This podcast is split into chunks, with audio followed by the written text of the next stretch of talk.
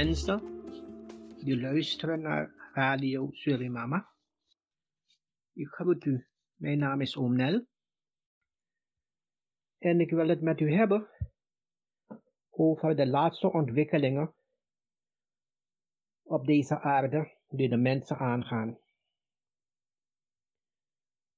Het is nu een hele turbulente tijd, maar het zat er aan te komen. Want alles heeft bepaalde tijden waarin bepaalde dingen gebeuren. Ik wil het met u hebben over wat er gebeurt sinds de dood van deze meneer, de heer George Floyd, in Amerika. Je kon aanvoelen dat er een kentering zou komen in Amerika. Maar wanneer het zou komen, dat had niemand verwacht. Maar het is niet van de een op de andere dag gebeurd. Er was altijd een aanleiding. Van actie kreeg je reactie. En als we kijken naar de tijdzones, vanaf 1500 tot het jaar 2000 is 700. En dat loopt altijd volgens kosmische getallen, die een begin maken, maar ook een eind hebben. Het kunnen positieve dingen zijn, maar het kunnen ook negatieve dingen zijn. Een van die negatieve dingen is de tot slaaf gemaakte van mensen van Afrikaanse komaf.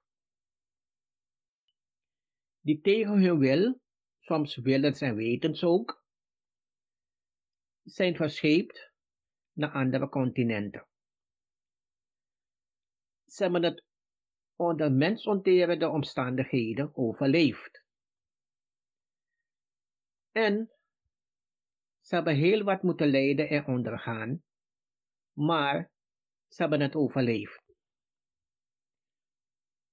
Want een ras kan je niet helemaal uitroeien. Er blijven altijd zeven over.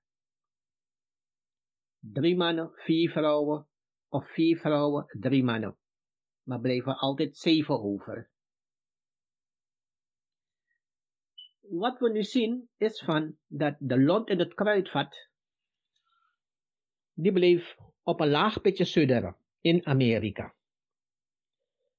Maar dit was het toppunt dat de mensen daar zeiden van nu is het genoeg. Er moet een eind aankomen aan mensen met een andere huidskleur die in hetzelfde land wonen als wij, maar hun kansen zijn in de meeste gevallen minimaal.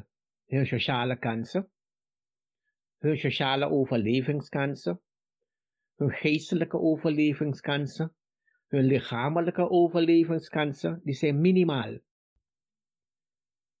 De een profiteert van de andere, terwijl Amerika pretendeert een land te zijn met normen en waarden die ze de hele wereld willen opleggen. Goedschiks of kwaadschiks maakt ze niet zoveel uit. Het gaat ze niet om.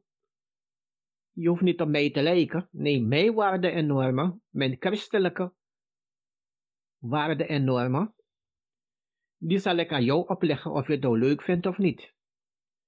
Maar dezelfde christelijke normen en waarden, die past men niet toe in eigen land. Er is een wet voor mede en persen. Dus, het is tot een uitbarsting gekomen en men moet niet vreemd opkijken dat een aap altijd een staart heeft. Sociale veranderingen gaan komen in Amerika, maar het zal bijna 300 jaar duren voordat er gelijkheid is, want alles loopt via kosmische getallen. Dat moet men niet vergeten. Niet van de een op de andere dag komt het ten goede aan alle Amerikanen. Wat mij bevreemdt is van zwarte Amerikanen hebben heel veel dingen uitgevonden die bijna niemand weet. En het wordt ook niet verteld dat ze heel veel dingen hebben uitgevonden. Maar ze zitten nog steeds in hetzelfde schuitje. Sociale achterstelling. Ik had het ook vaak gezegd van, waarom hebben zwarte Amerikanen zulke dingen niet uitgevonden in Afrika, maar ze zijn verscheept naar een ander continent om heel veel dingen uit te vinden waar u en ik en iedereen vandaag de dag profijt van heeft en het de gewoonste zaak is, zodat we een makkelijk leven hebben met de technieken die ze hebben uitgevonden. Maar dat wordt helaas niet verteld, dus ze zijn er niet steenrijkende van geworden. Ze zijn gewoon sociaal, of de meeste, 80%, is in sociale armoede blijven steken. Ondanks dat ze ontdekkingen hebben gedaan en uitvindingen.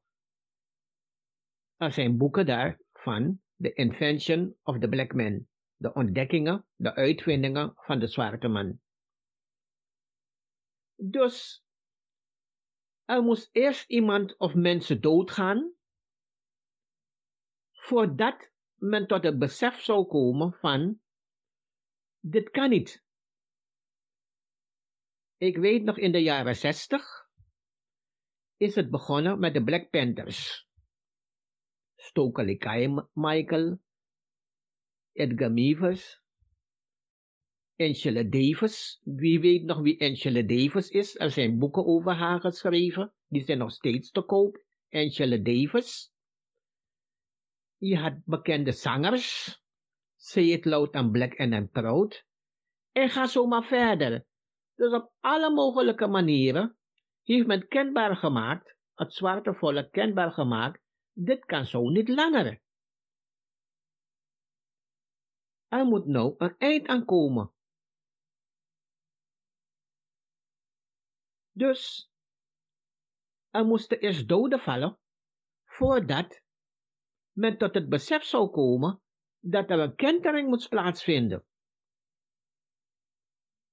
Hij was de kop van Jut.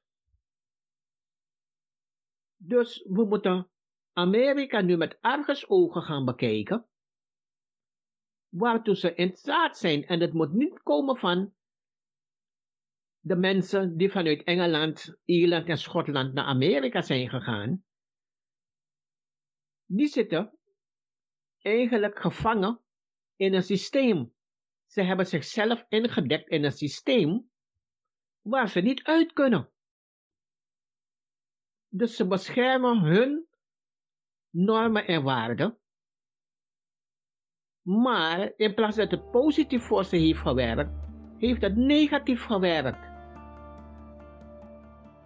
Want je schept een systeem waarvan je denkt dat het eeuwig in stand gaat houden. Maar als je naar Amerika zelf gaat, dan zie je van de ongelijkheid onder de witte mensen daar is enorm. Is enorm. Je hebt heel veel die stinkend rijk zijn. Maar je hebt ook heel veel die zo arm zijn als een luis. Die moeten het hebben van de voedselbank. Die moeten het hebben van een uitkering.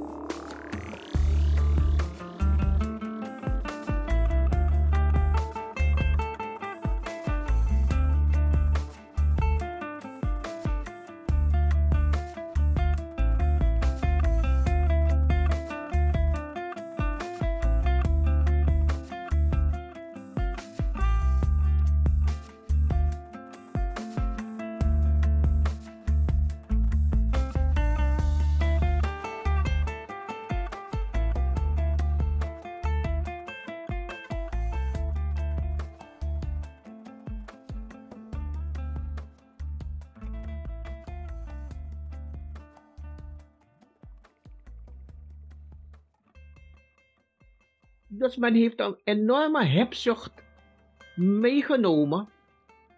Men heeft ook een enorme armoede meegenomen uit Engeland, uit Schotland, uit Ierland. En dat is in, in hun DNA blijven steken. Dat haal je niet met twee paarden eruit. Laat staan met de olifant. Het zit in hun DNA. Maar collectief, om zich te beschermen tegen het zwarte ras dat is opgestaan, heeft men racisme uitgevonden. Om zich te beschermen tegen een ander ras. Maar hetzelfde ras waartegen jij beschermd bent, via het politieapparaat, machtsstructuren heb je in, in, in het leven geroepen, om jouw normen en waarden, die langzaam maar zeker afkalven, het brokkelt af in die 700 jaar. Die mensen hebben juist dingen uitgevonden die niet past bij jouw systeem. Want als je kijkt hoeveel ten opzichte van wie heeft wat uitgevonden, en als je in aantallen gaat kijken, dan zie je van als de zwarte man in Amerika 80 dingen heeft uitgevonden, dan heeft de witte man misschien 38 dingen uitgevonden. Dus zeer weinig. Het enige wat hem beschermt is het machtssysteem en die wapens waarmee hij dreigt en hij doodt. Want hij oorlogsvoeren, daar zijn ze meester in. We hebben gezien, elke nieuwe president die daar op de stoel gaat zitten in Amerika, voert oorlog. Dat is die kosmische vloek die die Indianen, de oorspronkelijke bewoners van Amerika, op ze hebben losgelaten. Je hebt mijn land onrechtmatig van me afgepakt,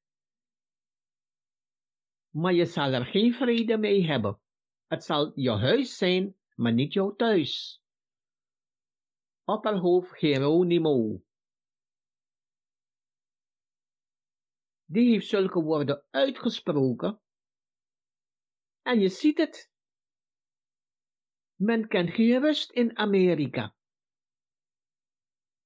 Men kent geen vrede in Amerika. En ik weet waar ik het over heb. Dus als je nou zou zeggen dat Amerika een gezegend land is om in te wonen, dan zou ik zeggen van, uh, als je goed weet te puzzelen, dan moet je het geografisch bekijken. In het hoge noorden is het een hectisch leven. En in het zuiden is het even gewoontjes. Ga je naar de oostkant, kan je zeggen, je kan een normaal leven leiden. Ga je naar de westkant, ben ik nooit geweest. Alleen naar de oostkant ben ik geweest. Maar wat je ziet, leidt men ook een gewoon normaal leven. Maar waar men voet aan heeft gezet, vooral in het hoge noorden van Amerika tot Boston, daar zie je van, het is zeer hectisch en chaotisch. Ratrace, het is een strijd.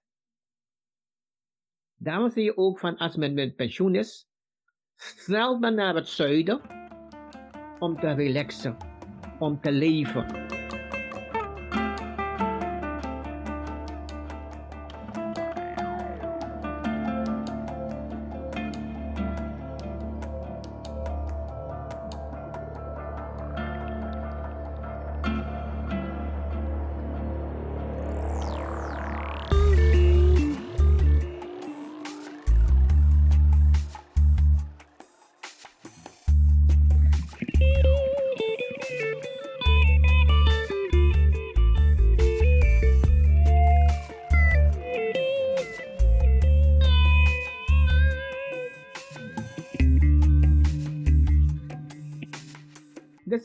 Vragen van, was het allemaal de moeite waard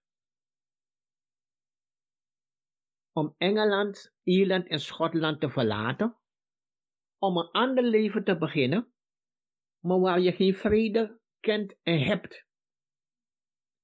Kijk maar naar die oorlogen die Amerika telkens voert. Heel wat Amerikanen, die gaan op jonge leeftijd naar een ander continent om daar het leven te laten door een kogel. Denk maar aan de Vietnamoorlogen. Dan zit je te denken van nee, dat kan niet. Dus Amerika eet zijn eigen mensen op. Het eet zijn eigen kinderen op. Op den duur je moet je goed kijken van hoeveel van die nakomelingen, van die mensen die Engeland, Ierland en Schotland hebben verlaten, nog in leven zijn. In aantallen moet je het bekijken. Bitter weinig. Want er wordt door een nieuwe president die op de stoel gaat zitten daar in het Witte Huis een oorlog gevoerd. Is er geen oorlog? Dan maakt men één. Kan men niet één maken? Dan maakt men een aanleiding om een spanning te creëren, zodat men de tegenstander ongelijk geeft en ten oorlog gaat trekken. Dus er is altijd een gedonder en geduvel met Amerika. Reden te over om dat continent te mijden. Reden te over om te zeggen van, het was misschien in het begin een gezegend land, maar nou niet meer. Nou echt niet meer. Dus de zwarte Amerikaan, die heeft de klappen en de lasten moeten ondergaan, maar hij is standvastig gebleven in zijn geloof, niet het christelijk geloof, in zijn eigen geloof, door sociaal elkaar te helpen, maar er stak ook een addertje onder het gras. Toen men zag dat de zwarte Amerikanen in het zuiden sterk waren, heeft men willens en wetens gangs gevormd zodat ze elkaar konden uitmoorden. Men heeft dan heroïne op ze losgelaten, zodat ze elkaar onderling konden bevechten om heroïne. Daar zijn boeken over, met, met, met bewijzen. Ik zuig er niet uit mijn duim, die boeken zijn gewoon te koop. Hier in Amsterdam. Ik zuig ze niet uit mijn duim, want ik heb ze ook. Dus dan moet je goed bedenken van, men heeft vijf, zeshonderd jaar ellende over zich heen gehad. En nu ik de kosmos in, niet de hand van God. De kosmos greep zelf in, de aarde greep zelf in, want die maakt de omwenteling. Die tijden, de tijdzone voor elke ras die aan de beurt komt, dat moet hij de aarde zelf voltooien. Kijk, nu is het de tijd voor de Chinees het hele was, zoals men het zegt. Dus men wil goed bedenken om deze zaken in de gaten te houden. Leef niet zomaar. Er is altijd een reden voor alles. Vandaar dat die demonstraties wereldwijd Waar ik op ook let, is van, er is veel sympathie voor de zwarte activisten, wereldwijd. Maar het kan zijn dat ik iets over het hoofd heb gezien En dat is van de bakermat van het Afrikaanse volk is Afrika. Hoe kan het dat ik geen betogingen heb gezien van het zwarte volk in Afrika als steun voor hun broeders en zusters in Amerika? Hoe kan dat? Dat je niet op de tv zit van dat wereldwijd, gaat men voor Ghana, want men is dol op Ghana. Dat men wereldwijd in Afrika die steden daar de straat op gaan om sympathie en steun te betuigen voor hun broeders en zusters, vooral in Amerika. Want als men het over het zwarte volk heeft, vooral de Afrikanen in Afrika, dan heeft men het altijd over de zwarte broeders en zusters in Amerika. Alsof in het Caribisch gebied en Zuid-Amerika geen zwarte mensen zijn. Iets om over na te denken. Vindt u ook niet? Of heb ik het mis? Want, willens en wetens, gedaan of niet gedaan, sommigen weten het, anderen ontkennen het, heeft men ook meegewerkt aan de deportatie van zijn eigen mensen naar andere continenten.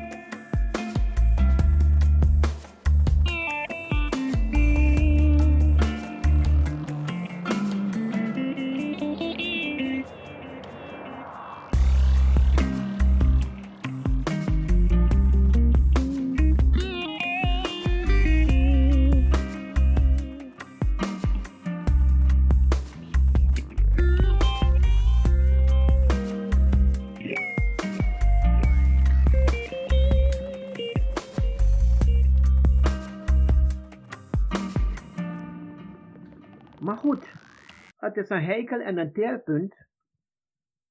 Maar heel veel hebben het toegegeven dat ze hun eigen mensen hebben weggegeven en verkocht voor een zak snoep, voor kraaltjes, spiegeltjes en weet ik veel wat nog meer.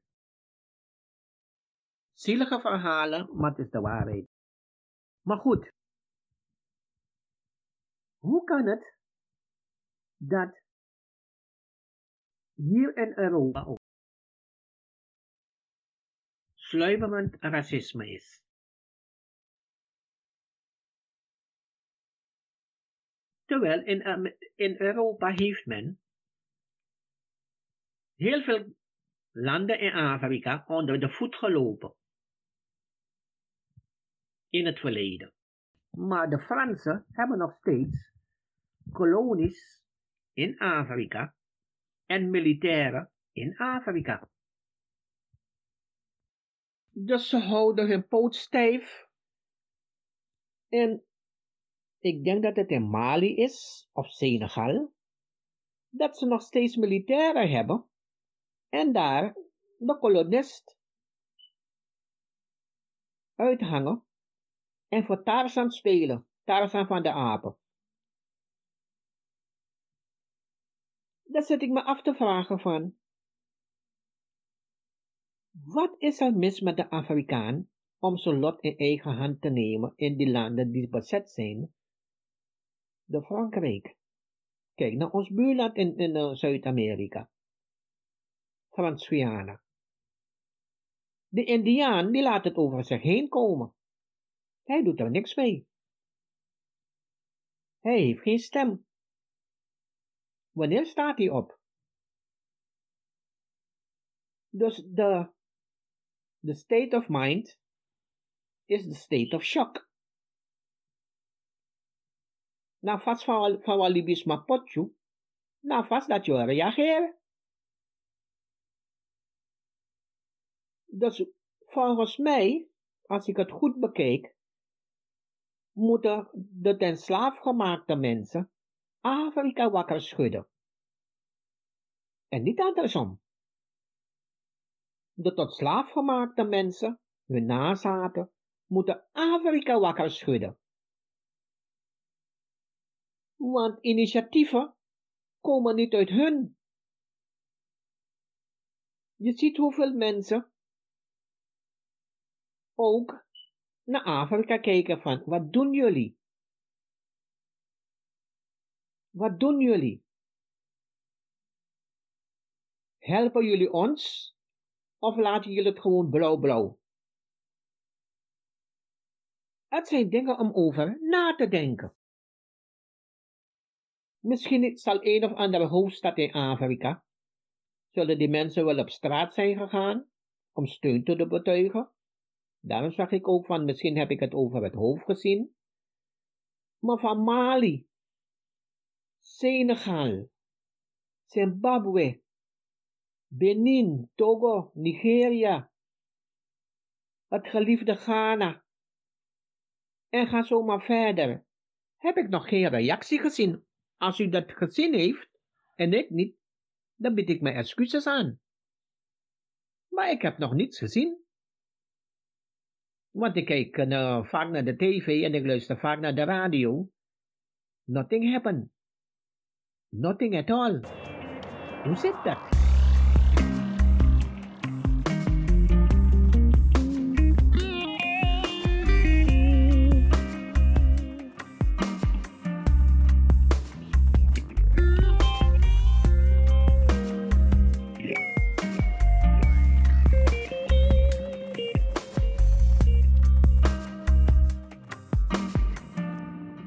Het zijn dingen om over na te denken hoe de wereld in elkaar steekt. Wie helpt wie de helpende hand. Maar nu zie je ook van heel wat witte broeders en zusters, die ook zat zijn van het racisme, die helpen de zwarte man en de zwarte vrouw om te zeggen van wij zijn het ook niet mee eens met het systeem wat met jullie aan de hand is.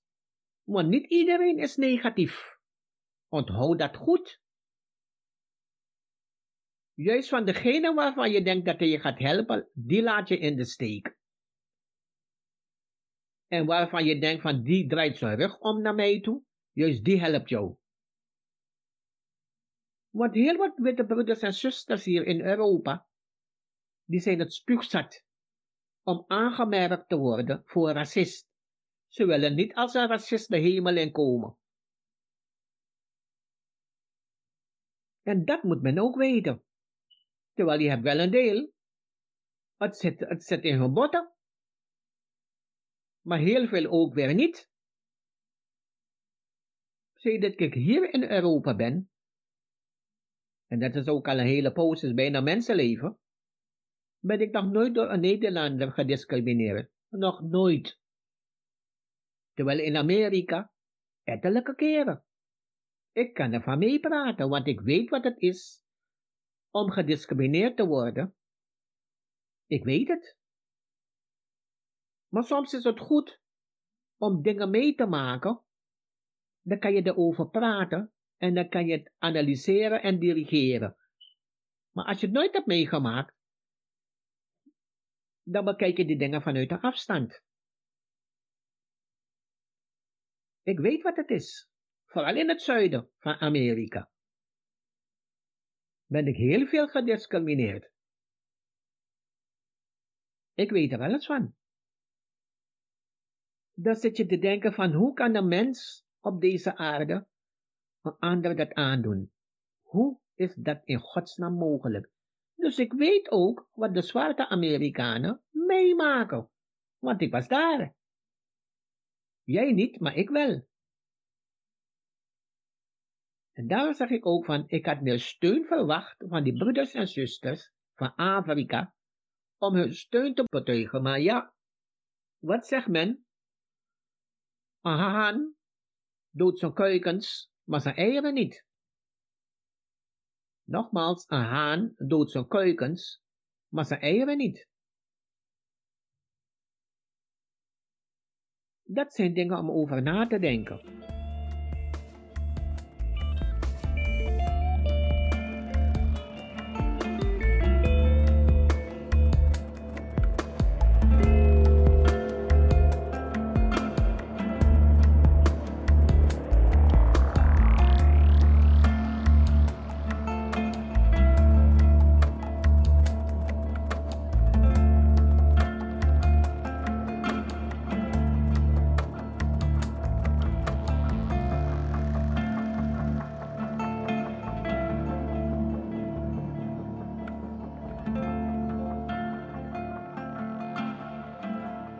Beste mensen, ik wil het met u hebben over de sluitmoordenaar, oftewel het coronavirus.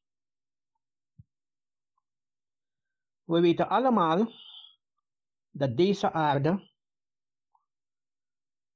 vol giftige dampen en gassen zit en virussen die of positief en of negatief zijn.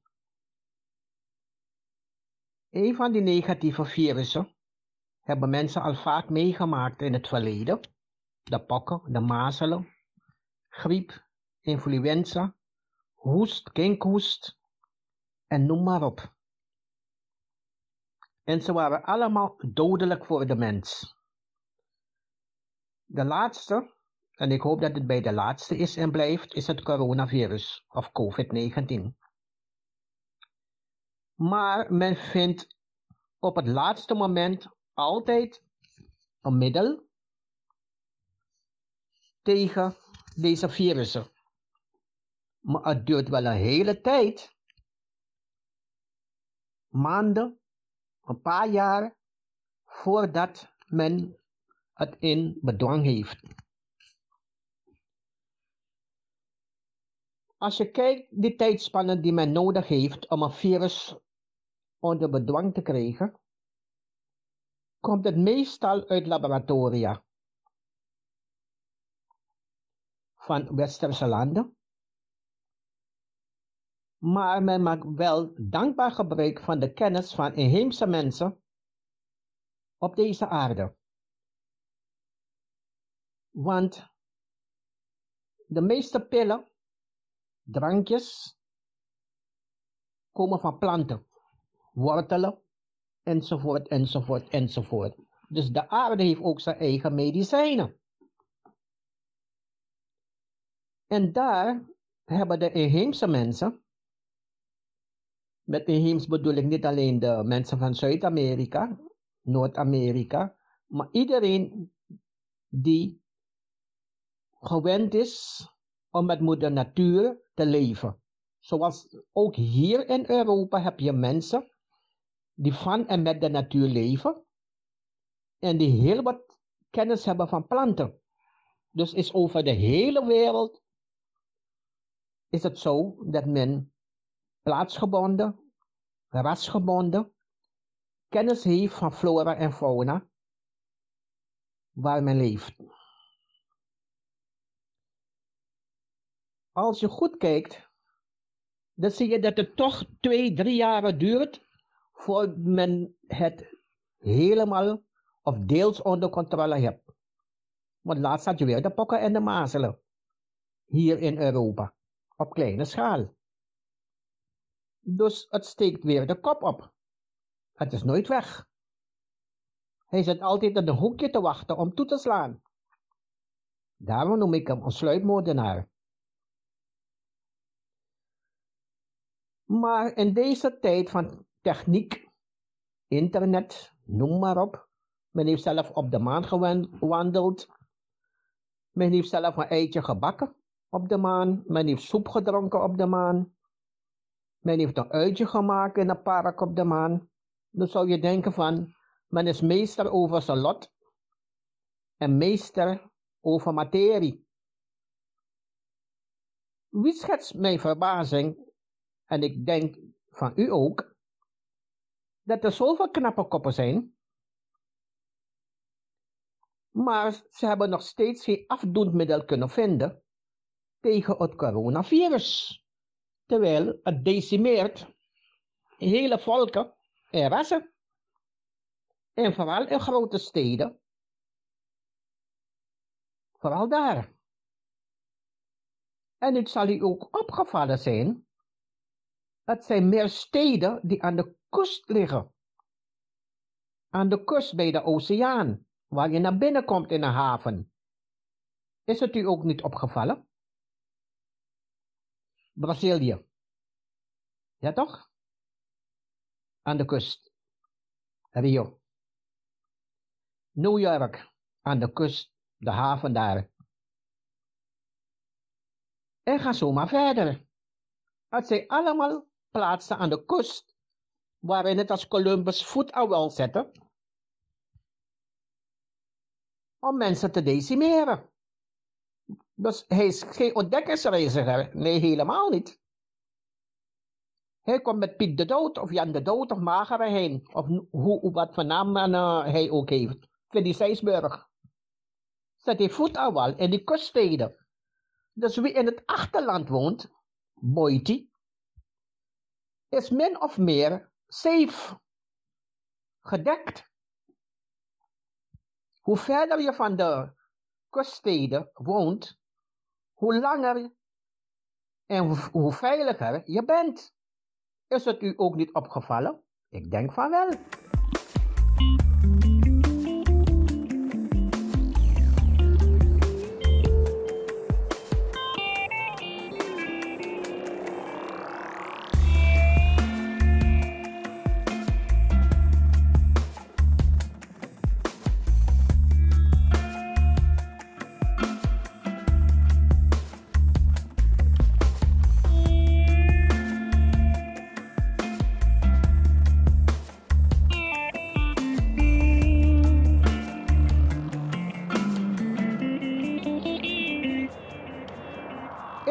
Ook niet opgevallen dat, ondanks alle techniek, men geen afdoenmiddel nog steeds niet heeft kunnen vinden? Maar, en nu komt het.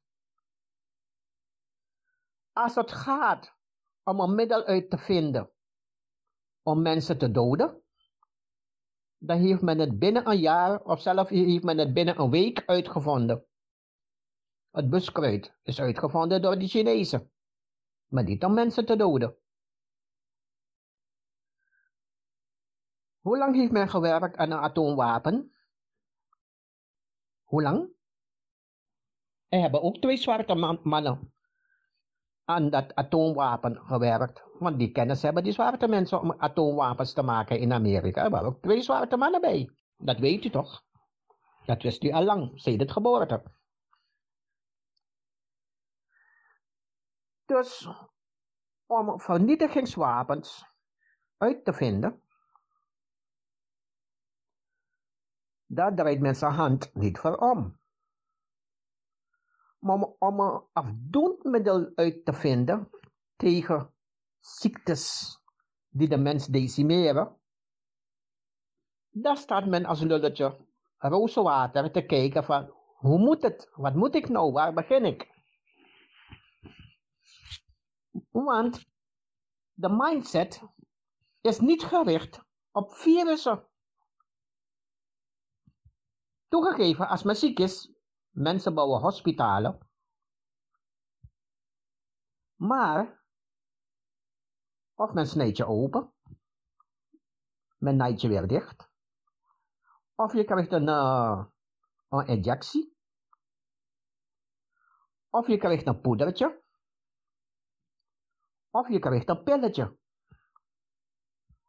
Daarvoor is men opgeleid. Dat is goed. Je hoort mij niet klagen, dat is goed. Maar men heeft nooit nagedacht van, als er een epidemie zou komen met een onbekend virus, are we ready? Are you ready or not? Here I come. Nee, echt niet. Men is er niet klaar voor. Want die mindset is alleen maar van kort denken. Maar op de lange termijn denken, handelen, nee. Dat, dat, dat zit er niet in. Het zit er niet in. Dus zit ik me af te vragen van, je helpt je medemens om gezond te worden. Maar die denkers, daar moet ik het van hebben. Want je ziet, dat zijn korte termijn denkers. Korte termijn. Bedenk te denken van 7 jaren tot 12 jaren. Wat staat de mens te wachten? Want je moet in de toekomst kunnen kijken. Maar daarvoor is men niet opgeleid. Men is niet holistisch opgeleid. Terwijl als je gaat naar het Caribisch gebied, ik zal die landen opnoemen, Cuba, uh, waar nog meer? Trinidad, Jamaica. Als je gaat naar Colombia, waar nog meer? Um, Argentinië, Brazilië. Daar is men holistisch opgeleid. Dus men kijkt niet alleen naar het lichaam, men kijkt ook naar de geest. En men kijkt naar andere omstandigheden, de leefbaarheid en mensen leefomgeving, die ook mede bepalen aan het welzijn van de mens, zijn lichamelijke gezondheid en zijn geestelijke gezondheid. Dus dan zie je van, er schorten heel veel zaken in die opleidingen. Het zou goed zijn als men gaat naar tropische landen, en dat doet men ook, dat weet ik, dat weet u ook, om een holistische zienswijze mee te maken. Als men bijvoorbeeld artsen stuurt naar India, die werken totaal anders, maar die methode kennen we ook als Surinamer. Tantra, mantras, enzovoort, enzovoort. Of de Chinezen, die werken met kruiden, die hier onbekend zijn en mensen huiverig voor. Maar niet zo lang geleden wilde men een, uh, helemaal geen een, uh, Chinese een medicijnen hier naartoe laten. Wat de boer niet kent, eet hij niet. Maar dat zo zie je ook van, je kan van elkaar leren. Maar je moet eerst die acceptatie, die grens van acceptatie aannemen. En dat is het probleem nummer 1, want met acceptatie is er ook geld gemoeid. De medische industrie verdient tonnen, miljarden aan ziek zijn. Kijk hoeveel we moeten betalen voor het ziekenfonds. Het kost ons smak geld. Betaal je niet, dan ben je de pijp uit. Zo gaat het aan toe. Dus op dat niveau is de mens geworden. Geen geld? Nou, bekijk het maar. Geld? Nou, dan krijg je de beste behandeling en het beste eten. Je wordt verwend en vertrouwd in het hospitaal, waar zelf de duivel jaloers van worden. Maar bij je arme sloeber, dan kan je het vergeten. Want medicijnen hier in Europa kosten geld. Het kost allemaal geld. Wil je jezelf in leven houden, dan ben je bestempeld tot de armoedzaaier. En dat is een van die dingen waar men is uitgegleden. Het gaat, hoe meer aantallen mensen je in een land hebt, hoe meer je dat land economisch vooruit kan brengen. Gezonde mensen in een land betekent je economie is ook gezond. Je kan van alles met gezonde mensen doen. Maar als de helft ziek is, dan heb je er niks aan. Hoe minder mensen, hoe minder inkomen voor een land. Ik weet nog, en u weet het ook, het was gangbaar dat in de jaren 40, 50 werden de, in families was het de gewoonte, tien kinderen, negen kinderen, acht kinderen, en ga maar zo door. Dan denk je van, hè, hè, waarom toch? Maar men wist van, men moet de economie en het kinderaantal van het land op peil brengen. Want bij een virus sterven er een x aantal mensen. Dus je moet er weer voor zorgen dat je die inwonersaantal weer op peil brengt. Want het virus, het coronavirus, heeft al heel wat aantallen mensen in landen de das omgedaan. Dus het duurt ongeveer zo'n pakweg, zo'n 12 jaar, voordat er, je komt op zeg maar 500 baby's. Pakweg 500 baby's. Dan duurt het nog zo'n 30 jaar, voordat je zegt van ze zijn volwassen en je kan je economie draaiende houden. Dus dat zijn we bijna 50 jaar verder. En wat gebeurt er dan in die tussentijd als men nog steeds niet een afdoenmiddel heeft uitgevonden tegen de COVID?